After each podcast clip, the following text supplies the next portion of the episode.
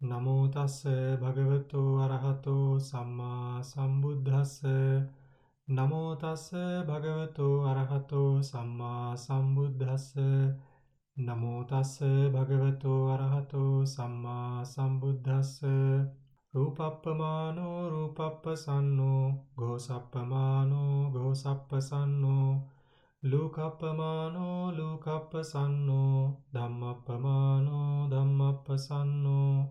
මාතෘකා ස්ථානයේ තැබුවේ ලෞතර තථාගත සම්මා සම්බුදු පියාණන් වහන්සේ පුද්ගල ප්‍රඥප්ති ප්‍රකරණෙහි චතුෂ්ක නිපාතෙහි නිර්දේශය සඳහා තබන්නට යෙදුණු මාතෘකා සතරක් රූපප්පමානෝ රූපප්පසන්නෝ ഘോසප්පමානෝ ഘോසප්පසන්නෝ ලෝකප්පමානෝ ලෝකප්පසන්නෝ ධම්මප්පමානෝ ධම්මප්පසන්නෝ කියන මේ මාතෘකා සතර. අපි දන්නවා භාග්‍යවතුන් වහන්සේ මේ පුද්ගල ප්‍රඥප්ති ප්‍රකරණෙහි දේශනා කරන්නේ මේ ලෝකයේ සිටින සත්වයන්ගේ මේ ලෝකයේ සිටින පුද්ගලයන්ගේ විවිධාකාර වූ ස්වභාවයන් පිළිබඳව කියලා. මේ ලෝකයේ සිටින පුද්ගලයන් කවර විදිහටද අනිත් සත්වයන්ව මනින්නේ? ඒ මැනලා ඒ සත්වයන් පිළිබඳව පැහැදීමක් ඇති කරගන්නේ කොයි විදිහටද කියලා තමයි මේ ධර්මපරයයන් තේරුම් කරන්නට උත්සාහ ධර්මපරයයන් තේරුම් කරන්නේ. මේ මාතෘකාවෙහි කෙටි තේරුම පිමසලා බැලුවොත් රූපප්පමානෝ රූපප්පසන්නෝ රූපප්‍රමාණ වූ රූපප්‍රසන්නෝ පුද්ගලයන් ഘോഷප්පමානෝ ഘോഷප්පසන්නෝ ഘോഷප්‍රමාණ වූ ഘോഷප්‍රසන්නෝ පුද්ගලයන් ලෝකප්පමානෝ ලෝකප්පසන්නෝ රූක්ෂ වූ දේහි ප්‍රමාණ කරන්නා වූ රූක්ෂ වූ දේහි පැහැදෙන්නා වූ පුද්ගලයන් ධම්මප්පමානෝ ධම්මප්පසන්නෝ ධර්මය කෙරෙහි ධර්මය සම්බන්ධයෙන් ප්‍රමාණ කරන්නා වූ ධර්මය කෙරෙහි පහදින්නා වූ පුද්ගලයන් කියන හතර.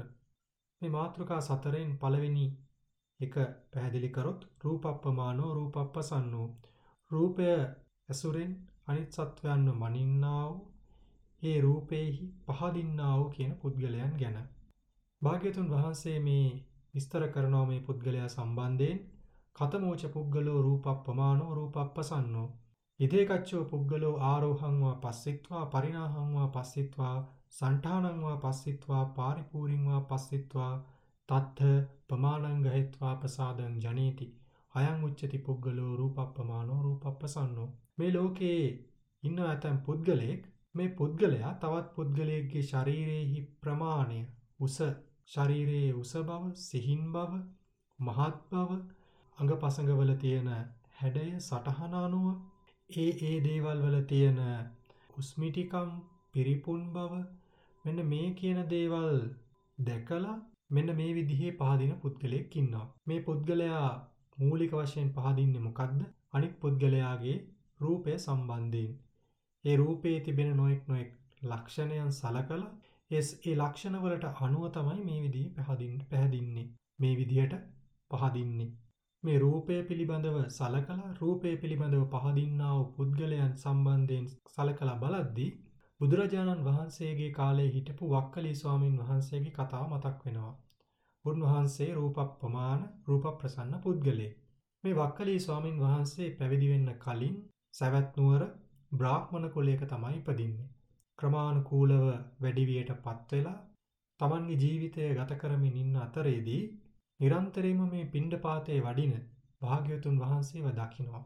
භාග්‍යවතුන් වහන්සේව දැකලා භාග්‍යවතුන් වහන්සේගේ දෙතිසක් මහා පුරුෂ ලක්ෂණයන්ගෙන් 80ක් අනු ව්‍යංජන ලක්ෂණයන්ගෙන් ශෝභමාන වූ මේ ශරීර සම්පත්තිය දකිනවා. මේ ශරීර සම්පත්තිය දැකලා එපමණකින්ම මේ වක්කලී තරුණයා ඒකෙන් සැනසීමට පත්වෙන්නේ නැහැ. මේ වක්කලී තරුණයා මෙන්න මේ විදිහට කල්පනා කරනවා. මම මේ බුද්ධ ශාසනයේ පැවිදි වුණොත් මට හැමතිස්සෙම මේ බුදුරජාණන් වහන්සේව දකින්න පුළුවන්. බුදුරජාණන් වහන්සේගේ ශරීරය දකින්න පුළුවන්. ඒ නිසා මම මේ ගිහිගෙයි අතහැරලා දාලා පැවිද්දට පත් වෙන්නට ඕන. ඉතින් මේ විදිහට කල්පනා කරලා තමන් පැවිද්ද ලබා ගන්නවා. පැවිද්ද ලබාගෙන මේ වක්කලී ස්වාමින් වහන්සේ බණ භාවනා සිද්ධ කරන්නේ නැහැ. උන්වහන්සේ ඒ බණ භාවනා සිද්ධ කරන්නේ නැතිව නිරන්තරයෙන්ම බුදුරජාණන් වහන්සේව දකිමින් බුදුරජාණන් වහන්සේගේම සමීපෙහි හැසිරෙමින් කාලය ගත කරනවා. මේ විදිහට මේ වක්කලී ස්වාමින් වහන්සේ බණ භාවනා කරන්නේ නැතිව තමන් වහන්සේව දකිමින් කාලය ගත කරන ගැන භාග්‍යතුන් වහන්සේ කිසිම දෙයක් කිසිම විදිහේ අවවාදයක් සිද්ධ කරන්නේ නැහැ. හේතුව මොකක්ද? මේ වක්කලී ස්වාමින් වහන්සේගේ නුවණ තම මුහු කරලා නැති නිසා. මේ භාග්‍යතුන් වහන්සේ මේ නුවණ මුහු කරනකම් මේ වක්කලී ස්වාමින් වහන්සේ කෙරෙහි අනුකම්පාවෙන් බලාගෙන සිටිනවා අපේක්ෂා කරමින් කාලය ගත කරනවා. නමුත් එක දවසකදී භාග්‍යතුන් වහන්සේ දකිනවා මේ වක්කලී ස්වාමින් වහන්සේගේ නුවණ මුහුකුරා ගිහිල්ලා. ඉතින් මේ වක්කලී ස්වාමින් වහන්සේට මම අවවාද කරන්නට ඕනේ කියලා භාග්‍යතුන් වහන්සේ කියනවා කින්තේ වක්කලී මිනා පූතිකායන දිත්තේන. යෝකෝ වක්කලී ධම්මං පස්සති සෝ මං පස්සති. යෝ මං පස්සති සෝ ධම්මං පස්සති. කියලා මෙන්න මේ විදිහේ ප්‍රකාශයක් කරනවා වක්කලි. මේ මගේ තියෙන මේ දෙතිසක් වූ කුණප කොට්ටාශයන්ගෙන් පිරිච්ච ශරීරයේ දිහා බලාගෙන බැලීමෙන් මොකක්ද ඔබට ලැබෙන ප්‍රයෝජනය? වක්කලි යමෙක් ධර්මයේ දකිනවා නම් හිස්තෙම මාව දකිනවා. යමෙක් මාව දකිනවා නම් හිත හිතෙමේ ධර්මයේ දකිනවා කියලා අවවාද කරනවා මේකෙන් භාග්‍යතුන් වහන්සේ අදහස් කරන්නේ මේ මන් දිහා බලන්නට එපා ධර්මයේ හැසිරෙන්න. ඔබ නිවැරදිව ධර්මයේ හැසිරුණොත් ඔබ ශාස්ත්‍රූන් වහන්සේ දැක්කා බවට පත්වෙනවා කියලා. නමුත් මේ වක්කලී ස්වාමින් වහන්සේ මේ විදිහට බුදුරජාණන් වහන්සේ අවවාද කළත් භාග්‍යවතුන් වහන්සේව දකින්න එක අතහැරලා දාලා වෙනත් තැනකට ගිහිල්ලා බණ භාවනා කරන්නට කල්පනා කරන්නේ නැහැ. භාග්‍යතුන් වහන්සේ දකිනවා මේ භික්ෂුවගේ సంతානෙහි සංවේගයක් ඇති වෙන්නේ නැතිව ධර්මය අවබෝධ කරන්නේ නැහැ කියලා. ඒ නිසා භාග්‍යතුන් වහන්සේ අර ඉන්පසුව භාග්‍යවතුන් වහන්සේ මේ වක්කලී ස්වාමින් වහන්සේව පනාමනය කරනවා. පනාමනය කරනවා කියලා කියන්නේ වක්කලී ස්වාමින් වහන්සේව බැහැර කරනවා කියන එක. අපේහි වක්කලී අපේහි වක්කලී ඉවතට යන්න වක්කලී ඉවතට යන්න වක්කලී කියලා මේ වක්කලී ස්වාමින් වහන්සේව තමන්ගේ සමීපයෙන් ඉවත් කරනවා. වක්කලී ස්වාමින් වහන්සේ මේ කතාව අහලා බොහොම ශෝකයට පත් වෙනවා කනගාටුවට පත් වෙනවා. භාග්‍යතුන් වහන්සේව දකින්නට ලැබෙන්නේ නැහැ. මට අවස්ථාවක් ලැබෙන්නේ නැහැ. ඒ නිසා මගේ ජීවිතෙන් කිසිම වැඩක් නැහැ කියලා තමන්ගේ ජීවිතේ නැති කර ගන්නට ගිජ්ජකූට පර්වතයට නගින්න පටන් ගන්නවා. භාග්‍යතුන් වහන්සේ මේ අවස්ථාවේදී මේ කාරණය දිවසින් දැකලා මේ අවස්ථාවේදී ධර්මය දේශනා කරනවා. ධර්මය දේශනා කරලා මේ ධර්මයේ අසලා උන්වහන්සේගේ පාරමිතා ධර්මයන් සම්පූර්ණ වෙලා උන්වහන්සේ මහා රහත් භාවයට පත් වෙලා භාග්‍යතුන් වහන්සේගේ සමීපයට පැමිණෙනවා. ඉතින් මේ විදිහට වක්කලී ස්වාමින් වහන්සේ තමන්ගේ වක්කලී ස්වාමින් වහන්සේ අර බුදුරජාණන් වහන්සේගේ රූපය කෙරෙහි පැහැදිලා ඉන් අනතුරුව මේ විදිහට ශාසනයේ පිහිට ලබාගෙන උතුම් අරියත්වයට පත් වුණා. ඊළඟට දෙවනි මාතෘකාවට ගියොත් ගෝසප්පමානෝ ගෝසප්පසන්නෝ ගෝෂප්‍රමාණ වූ ගෝෂප්‍රසන්න වූ සත්වයා ගැන. භාග්‍යතුන් වහන්සේ මේක විස්තර කරනවා මේ පදේ කතමෝච පුද්ගලෝ ගෝසප්පමානෝ ගෝසප්පසන්නෝ ඉදේකච්චෝ පුද්ගලෝ පරවන්නනාය පරතෝමනාය පරපසංසනාය පරවන්න හාරිකාය පරවන්න හාරියා තත්ත ප්‍රමාණං ගහිත්වා ප්‍රසාදං ජනේති. අයං උච්චති පුද්ගලෝ ගෝසප්පමානෝ ගෝසප්පසන්නෝ මේ ලෝකයේ වාසය කරනවා ඇතැම් පුද්ගලයෙක්. මේ පුද්ගලයා අනුන් කරනාලද ගුණ වර්ණනාවක්. අන්න එක තමයි ഘോഷාව කියලා කිව්වේ. ഘോഷ කියලා කිව්වේ. නැතිනම් මොකක් හරි වර්ණනාවක් ඇසුරු කරගෙන නැත්තම් මොකක් හරි ප්‍රශංසාවක් ඇසුරු කරගෙන නැත්තම් කටින් කට පැතිරෙන ගුණ කතනයක් ඇසුරු කරගෙන තවත් පුද්ගලයෙක් පිළිබඳව ප්‍රමාණ කරනවා. ඒ පුද්ගලයෙක් පිළිබඳව නිශ්චයකට පැමිණිලා අන්නේ පුද්ගලයා කෙරෙහි ප්‍රසාදය උපදවා ගන්නවා. අන්නේ පුද්ගලයාට තමයි කිව්වේ ගෝසප්පමානෝ ගෝසප්පසන්නෝ කියලා. එතකොට මේ මේ පුද්ගලයාගේ පැහැදීමට මූලිකව හේතුව වෙන්නේ වෙනත් කෙනෙක් විසින් කරනා ලද ගුණ වර්ණාවක් ගුණ කතනයක් කියන එක. භාග්‍යතුන් වහන්සේ ජීවත් වෙච්ච කාලයේදී භාග්‍යතුන් වහන්සේගේ අනන්ත ගුණයන් පිළිබඳව දඹදිව වාසය කරපු සත්වයන් අතරේ පැතිරිලා ගියා. ඉතින් මේ භාග්‍යතුන් වහන්සේගේ ගුණ කතනය නැත්තම් භාග්‍යතුන් වහන්සේගේ මේ ගුණ වර්ණාව අසපු බොහෝ දෙනා භාග්‍යතුන් වහන්සේගේ සමීපයට පැමිණියා පැමිණිලා මගපලාසල නිවන් සාක්ෂාත් කරගත්තා. ත්‍රිපිටකයේ ඒ විදිහට ඒ විදිහට භාග්‍යතුන් වහන්සේගේ ගුණ කතනය අහලා වර්ණාව අහලා භාග්‍යතුන් වහන්සේගේ සමීපයට පැමිණිලා මගඵල නිවන් ලබාගත් සත්වයෝ බොහෝ ගණනක් සිටියා. ඒ අතර එක පුද්ගලයෙක් තමයි සීහ සේනාධිපතිතුමා. මේ සීහ සේනාධිපතිතුමා රැස්වීම් ශාලාවේ රැස්වෙන ලිච්ඡවීන්ගෙන් භාග්‍යතුන් වහන්සේගේ ගුණ අසන්නට ලැබෙනවා. මේ රැස්වීම් ශාලාවට පැමිණෙන මේ ලිච්ඡවීන් මොකද කරන්නේ? මේ රැස්වීම් ශාලාවට රැස්වෙන වෙලාවේදී ඇතම් වෙලාවට භාග්‍යතුන් වහන්සේගේ ගුණ පිළිබඳ නොයෙක් ආකාරයෙන් වර්ණනා කරනවා. මේ භාග්‍යතුන් වහන්සේගේ අරහං සම්මා සම්බුද්ධ විද්‍යාචරණ සම්පන්නාදී ගුණ ගැන නොයෙක් විදිහේ වර්ණනා කරනවා. මේ සීහ සේනාධිපතිතුමා නිගණ්ඨනාථ පුත්‍රයාගේ ශ්‍රාවකෙක්. ඉතින් මේ විදිහේ කතා බහක් ඇති වෙද්දි බුදුරජාණන් වහන්සේගේ ගුණ පිළිබඳව සීහ සේනාධිපතිතුමා කල්පනා කරනවා මේ විදිහට නිස්සංසයං කෝසෝ භගවා අරහං සම්මා සම්බුද්ධෝ භවිස්සති තතාහිමේ අභිඤ්ඤාතා අභිඤ්ඤාතා ලිච්ඡවී සන්තාගාරේ සම්නිසින්නා සම්නිසින්නා සම්නිපතිතා අනේක පරයායේන බුද්ධස්ස වන්නං භාසති භාසಂತಿ ධම්මස්ස වන්නං භාසಂತಿ සංඝස්ස වන්නං භාසಂತಿ. ඒ කාන්තයෙන් මේ භාග්‍යතුන් වහන්සේ අරහන් සම්මා සම්බුද්ධයි සම්බුද්ධ වෙන්නට ඕනේ. මේ නිසා මේ බොහොම ප්‍රකට වෙච්ච ලිච්ඡවී කුමාරවරු මේ සන්තාගාරයේ රැස් වෙලා නොඑක් විදිහට මේ බුදුරජාණන් වහන්සේගේ ධර්මයේ සංඝරත්නෙහි ගුණ වර්ණනා කරනවා. යන්නෝනාහං තං භගවන්තං දස්සනාය උපසංකමීයං අරහන්තං සම්මා සම්බුද්ධං.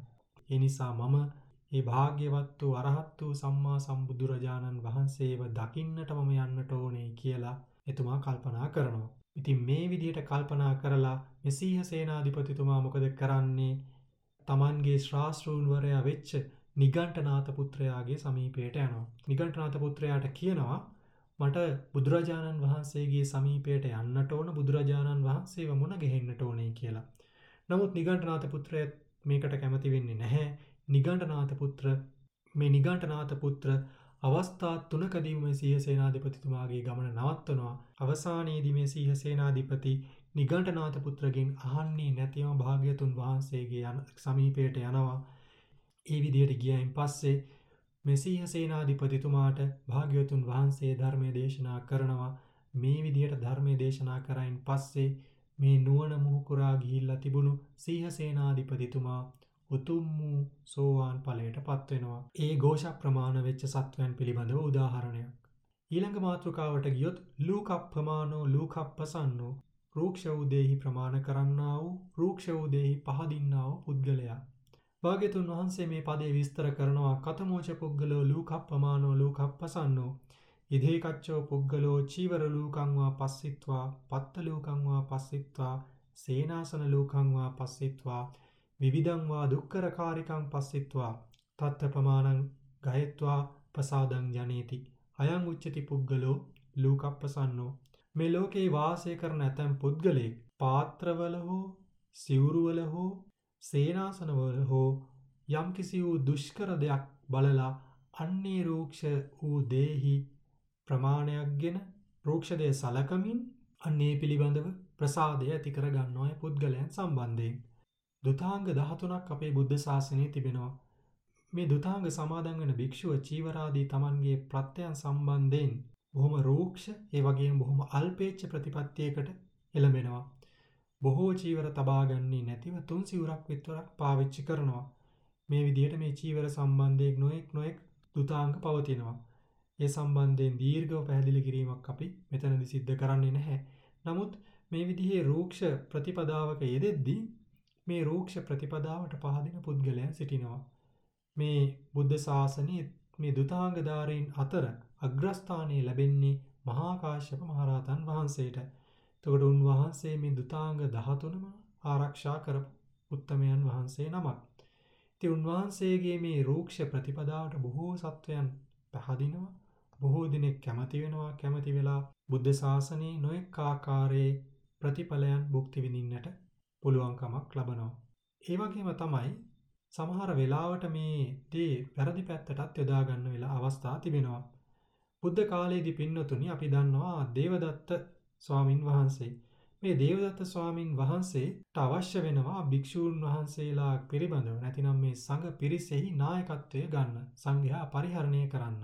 බුදුරජාණන් වහන්සේගේ සමීපයට ගිහිල්ලා තමන්ට මේ සංඝ පිරිස පරිහරණය කරන්නට ඉල්ලීමක් කරලා ඉල්ලීමක් කරලා ඒ ඉල්ලීම ප්‍රතික්ෂේප වුණායින් පස්සේ මේ දේවදත්ත ස්වාමින් වහන්සේට ඕන වෙනවා සංඝ ભેදයක් ඇති කරගන්නට. ඉතින් මේ සංඝ ભેදය ඇති කරගන්නට තනියෙන් බැහැනේ. ඒ සඳහා තවත් පිරිසක් එකතු කරගන්න ඕන භික්ෂුන් වහන්සේලා. කෝකාලික, කටමෝරකතිස්ස මේ වගේ පාපී අදහස් තියෙන භික්ෂුන් වහන්සේලා පිරිසක් එකතු කරගෙන කතා කරනවා සංඝ ભેදයක් ඇති කරන්නට. මෙන්න මේ සාකච්ඡාව යන අතරේදී කෝකාලික භික්ෂුන් වහන්සේ අහනවා දේවදත්ත දේවදත්ත භික්ෂුවගෙන් "ඇවැත්නි, අපි කොහොමද මේ සංඝ ભેදය කරන්නේ? ශ්‍රමණ ගෞතමයන් මහා 이르දි සම්පන්න මහානුභාව කෙනෙක්. ඒ නිසා අපිට මේක කරන්නට අමාරුයි." ඒ වෙලාවේදී දේවදත්ත ස්වාමින් වහන්සේ මොකද කියන්නේ? දිවි ඇතිතෙක් භික්ෂූන් වහන්සේලා අරණ්‍ය වාසික විය යුතුයි. දිවි ඇතිතෙක් භික්ෂූන් වහන්සේලා පාංශුකූලික සිවුරු දැරිය යුතුයි. දිවි ඇතිතෙක් පින්ඩ භික්ෂූන් වහන්සේලා පින්ඩ පාතික විය යුතුයි දිවි ඇතිතෙක් භික්ෂූන් වහන්සේලා රුක්ෂමූලික විය යුතුයි දිවි ඇතිතෙක් භික්ෂූන් වහන්සේලා මස්මාලු නොවැළඳිය යුතුයි මෙන්න මේ විදිහේ කරුණු පහක් අපි ගෞතමයන්ගෙන් ඉල්ලමු. ශ්‍රමණ ගෞතමයන් ඒවා එකක්වත් අනුදන්නේ නැහැ. අන්නේ නිසා අපිට මේ කාරණය පදනම් කරගෙන පුළුවන් සංඝයාව ભેද කරන්නට මිනිස්සු මේ රූක්ෂ ප්‍රතිපත්තියෙහි පහදිනවා කියලා. ඉතින් මේ රෝක්ෂ ප්‍රතිපත්තියෙහි පහදින ආකාරය දැනගෙන තමයි දේවදත්ත ස්වාමින් වහන්සේ මේ ප්‍රයෝගය යොදන්නේ. මේ ප්‍රයෝගය සාර්ථක වුණා කොහොමද? මේ දෙව්දත් සෙරුන් වහන්සේ මේ ඉල්ලීම් පස බුදුරජාණන් වහන්සේගෙන් ඉල්ලුවායින් පස්සේ ඒවා භාග්‍යතුන් වහන්සේ ප්‍රතික්ෂේප කරා. මේ ප්‍රතික්ෂේප කරයින් පස්සේ ඒ ඉල්ලීම් වලට පැහැදිච්ච භික්ෂූන් වහන්සේලා පිරිසක් මේ දෙව්දත් ස්වාමින් වහන්සේගේ පක්ෂය ගත්තා. මේ විදිහට මේ රූක්ෂ ප්‍රතිපදාව නැත්තම් මේ රූක්ෂ බවට පහදින්නාව බොහෝ සත්වයෝ සිටිනවා. මේ බුද්ධ ශාසනය පිළිබඳ උදාහරණ දෙකක් තමයි අපි මෙතනදි පෙන්නුම් කරේ. නමුත් අපි දන්නවා මේ ලෝකේ නොයෙක් බුද්ධ ශාසනයෙන් පිට නොයෙක් විදිහේ වෘත සමාදන් වෙලා ඊටාම දුෂ්කර ආකාරයේ ජීවිත ගත කරනවා. සමහර වෙලාවට නොකා නොබී Tamanගේ කෙලස් තවමින් ගත කරන නොයෙක් විදිහේ යෝගීන් සිටිනවා නැතිනම් නොයෙක් විදිහේ ප්‍රතිපදාවක යෙදෙන සත්‍ය ගවේෂණය කරන්නට උත්සාහවත් වෙන නොයෙක් පිරිසක් සිටිනවා විශේෂයෙන්ම ඉන්දියාව වැනි රටවල් වල ඉතින් මේ සත්වයන්ට ලෝ මිනිස්සු බොහෝ විට පහදින්නේ කියන රූක්ෂ ගතියට පහදින ස්වභාවය නිසා. ඊළඟට අපි මේ සිව්වෙනි මාතෘකාවට ගියොත් ධම්මප්පමානෝ ධම්මප්පසන්නෝ ධර්මේහි ප්‍රමාණ වූයේ ධර්මේහි ප්‍රසන්න වූයේ කියන පිරිස. කතමෝච පුද්ගලෝ ධම්මප්පමානෝ ධම්මප්පසන්නෝ. ඉදේකච්චෝ පුද්ගලෝ සීලංවා පස්සිත්වා සමාධින්වා පස්සිත්වා පඤ්ඤංවා පස්සිත්වා තත්තපමානං ගහෙත්වා ප්‍රසාදං ජනේති. අයං උච්චති පුද්ගලෝ ධම්මප්පමානෝ ධම්මප්පසන්නෝ. මේ ලෝකේ ඉන්න ඇතැම් පුද්ගලෙක් ඒ පුද්ගලයා පහදින්නේ කොහොමද? සීලය. නැතිනම් සමාධිය නැතිනම් ප්‍රඥාව දැකලා. අනිත් පුද්ගලයාගේ සීලය සමාධිය ප්‍රඥාව දැකලා අන්නේ පිළිබඳව යම් කිසි නිගමනයකට එළඹිලා ඒ ඔස්සේ තමයි පැහැදීම සිද්ධ කරගන්නේ. මේ පුද්ගලයාගේ තියෙන විශේෂ ලක්ෂණය තමයි මේ පුද්ගලයා අනිත් කෙනා කෙරෙහි පැහැදීම ඇති කරගන්නේ ඒ පුද්ගලයාගේ ගුණ විමසීමක් සිද්ධ කරලා. සීලය, සමාධිය, ප්‍රඥාව මේ තුන මේ තුන බුද්ධ ශාසනයේ බොහොම ගැඹුරු දේවල්. මෙන්න මේ දේවල් දැකලා තමයි තීරණයට එළඹෙන්නේ. මේ තීරණය ගන්නට ඉතාම අපහසුයි මොකද කෙනෙක්ගේ සීලය සමාධිය ප්‍රඥාව තේරුම් ගන්නට ඉතාම අපහසුයි. භාග්‍යතුන් වහන්සේ එක්තරා සූත්‍රයකදි දේශනා කරනවා මේ සීලය දැනගන්නට නම් ඒ පුද්ගලයා සමඟ වාසය කරන්නට ඕන. යම් පුද්ගලයගේ සීලය තේරුම් ගන්නට නම් ඒ පුද්ගලයා සමඟ වාසය කරන්නට ඕන. එකට වාසය කිරීමෙන් තමයි මේක දැනගන්නට පුළුවන් වෙන්නේ. ඒකත් දැනගන්නට පුළුවන් වෙන්නේ ටික කාලයක් වාසය කරලා නෙමෙයි බොහෝ කාලයක් වාසය කරලා. ඒ වගේ මේක නුවනැති කෙනෙක්ට තමයි තේරුම් ගන්නට පුළුවන් වෙන්නේ. කෙනෙක්ගේ ප්‍රඥාව දැනගන්නට පුළුවන් වෙන්නේ සාකච්ඡා කිරීමෙන්නේ පුද්ගලයා සම් ඒ පුද්ගලයා එක්ක සාකච්ඡා කිරීමෙන් තමයි ප්‍රඥාව පිළිබඳව අවබෝධ කරගන්නට පුළුවන් වෙන්නේ. ඉතින් මේ විදිහට මේ සීලය සමාධිය ප්‍රඥාව ගැන නිගමනයකට එළඹෙන්නත් පහසු දෙයක් නෙමෙයි. ඒක බොහෝ බොහෝ කාලයක් ඇසුරු කළා බොහෝ දේවල් විමසලා තමයි මේක දැනගන්නට පුළුවන් වෙන්නේ. මේ පිළිබඳව විස්තරයක් සංඛ්‍යාත්මක වශයෙන් අට කතාවේ දක්වනවා කොපමණ සත්වයන් කොපමණ විදි ආකාරයේ ගුණවලට පැහැදිනවාද කියලා සංඛ්‍යාත්මක වශයෙන් යම් පැහැදිලි කිරීමක් සිද්ධ වෙනවා. මේ ලෝකයේ සිටින සත්වයන්ගෙන් තුනෙන් දෙකක් රූප ප්‍රමාණිකයි. ඉතුරු තුනෙන් එක රූප ප්‍රමාණික නැහැ කියලා සඳහන් වෙනවා. මේ ලෝකයේ සිටින සියලු සත්වයන් කොටස් පහකට බෙදුවොත් ඉන් පහෙන් හතරක් ഘോഷ ප්‍රමාණිකයි කියලා කියනවා. ഘോഷාවට පහදිනවාය කියලා කියනවා. ඉතුරු එක් කොටස ഘോഷ ප්‍රමාණික වෙන්නේ නැහැ කියලා කියනවා. මේ ලෝකෙ සිටින සියලු සත්වයන් කොටස් 10කට බෙදලා බෙදුවොත් ඒ කොටස් 10න් කොටස් 9ක්ම ලූක ප්‍රමාණිකයි. ඒ කියන්නේ රූක්ෂ දෙයට පහදින්නා වූ පිරිසක් වැඩිපුර සිටිනවා. කොටස් 9ක්ම. ඉතිරි කොටස ඒ රූක්ෂ ප්‍රසන්න නැහැ කියලා තමයි සඳහන් වෙන්නේ. ඒ වගේම තමයි මේ ලෝකයේ සිටින සියලු සත්වයන් කොටස් ලක්ෂයකට බෙදුවොත් එයින් එක කොටසක් තමයි ධර්ම ප්‍රමාණික වෙන්නේ. ඉතිරි 99999 කොටසම ධර්ම ප්‍රසන්න වෙන්නේ නැහැ කියලා කියනවා. ඉතින් මේ විදිහට ලෝකයේ සත්වයන් පිළිබඳව සංඛ්‍යාත්මකව තේරුම් ගන්නට පුළුවන්. කොහොමද අපිට මේක තේරුම් ගන්නට පුළුවන් ඉන්නේ? බොහෝ සත්වයන් ගත්තොත් බොහෝ සත්වයන් අයිති වෙන්නේ රූප ප්‍රමාණික, ഘോഷ ප්‍රමාණික, ලෝක ප්‍රමාණික කියන කොටස් වලට. ඒකෙනුත් අල්ප කොටසක් තමයි ධර්මයේ පහදිනවා කියලා කියන්නේ. සතර ආකාරයකින් පහදින්නා වූ සත්වයන් සිටින්නා වූ මේ ලෝකයේහි භාග්‍යවතුන් වහන්සේ කෙරෙහි පැහැදිච්ච නැති පිරිස බොහොම ස්වල්පයක් කියලා ධර්මයේ සඳහන් වෙනවා. පැහැදිච්ච සත්වයන්ව බහුලයි කියලා කියනවා. රූප ප්‍රමාණික වෙච්ච පුද්ගලයෝ මේ ලෝකයේ ඉන්නවා. මේ රූප ප්‍රමාණික වෙච්ච පුද්ගලයාට භාග්‍යතුන් වහන්සේගේ රූපයට වඩා ප්‍රසාදය ඇති කරවන රූපයක් නැතේ කියලා සඳහන් වෙනවා. හේතුව උන්වහන්සේ මේ අනන්ත සංසාරයේ පාරමිතා ධර්මයන් සම්පූර්ණ කරලා බුද්ධත්වයට පත්වෙනවා. මේ බුද්ධත්වයට පත්වෙන ජීවිතේ උන්වහන්සේ දෙතිසක් මහා පුරුෂ ලක්ෂණයන්ගෙන් යුතුව 80ක් අනුව්‍යංජනයන් ලක්ෂණයන්ගෙන් යුතුව ඊටාම ශෝභාවත් ශරීරයකින්ම තමයි උන්වහන්සේ උපදින්නේ. නිසා මේ ශරීරයට බොහෝ දෙනෙක් පහදිනවා. ඒවගේම තමයි මේ ගෝෂ ප්‍රමාණික වූ පුද්ගලයෙක්ට කීර්ති ගෝෂාවට වඩා ප්‍රසාදය ඇතිවන වෙනත් කීර්ති ගෝෂාවක් නැහැයි කියලා කියනවා. භාග්‍යතුන් වහන්සේගේ කීර්ති ගෝෂාව දඹදිව පැතිර යනවා. භාග්‍යතුන් වහන්සේගේ ගුණ පිළිබඳව කීර්ති ගෝෂාව සතර දිසාවන්හි පැතිර යනවා. ඒ වගේම තමයි දිව්‍ය ලෝක බ්‍රහ්ම ලෝක දක්වාම උන්වහන්සේගේ ගුණයන් පිළිබඳව ලෝකයා දැනගන්නවා.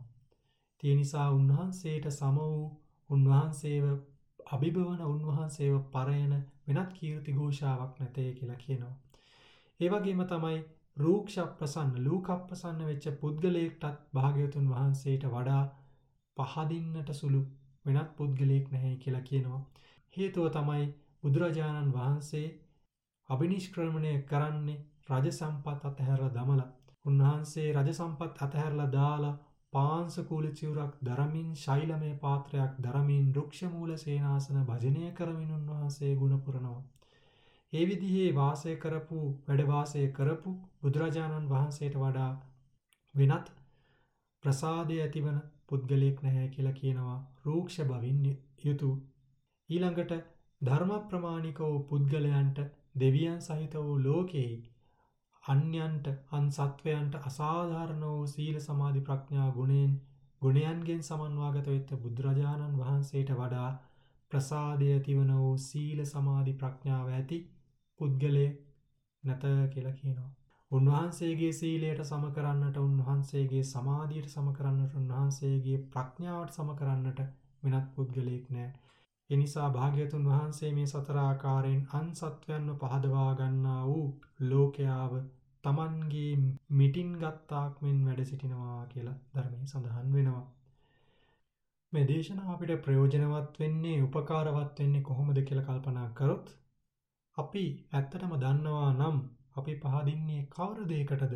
අපි පහදින්නේ රූපයටද නැතිනම් වෙනත් කෙනෙක්ගේ කීර්ති ഘോഷාවකටද නැතිනම් මේ විදිහේ ලූකක් බවක් දැකලද රූක්ෂ බවක් දැකලද නැත්නම් ඇත්තටම අපි පහදින්නේ ධර්මයටද කියන එක අපිට තේරුම් ගන්නට පුළුවන් වෙනවා. එනිසා මේ ධර්මය මේ දහම් පරියාය අපේ ලෞකික ජීවිතය සාර්ථක කරගන්නට වගේම සත්පුරුෂයෙක්ව හඳුනා ගනිමින් නිවැරදිව ඔවුන්ව ඇසුරු කරමින් තමන්ගේ ධර්ම මාර්ගය සකසාගෙන නිවන් දැකීමටත් මේ ධර්මපරියාය මහත් උපකාරී බවට පත්වෙනවා. අද ඒ නිසා අද මේ දහම් කතාව ධර්ම කතාව මෙතකින් නිමාවට පත්වෙනවා. තෙරුවන් සරණයි.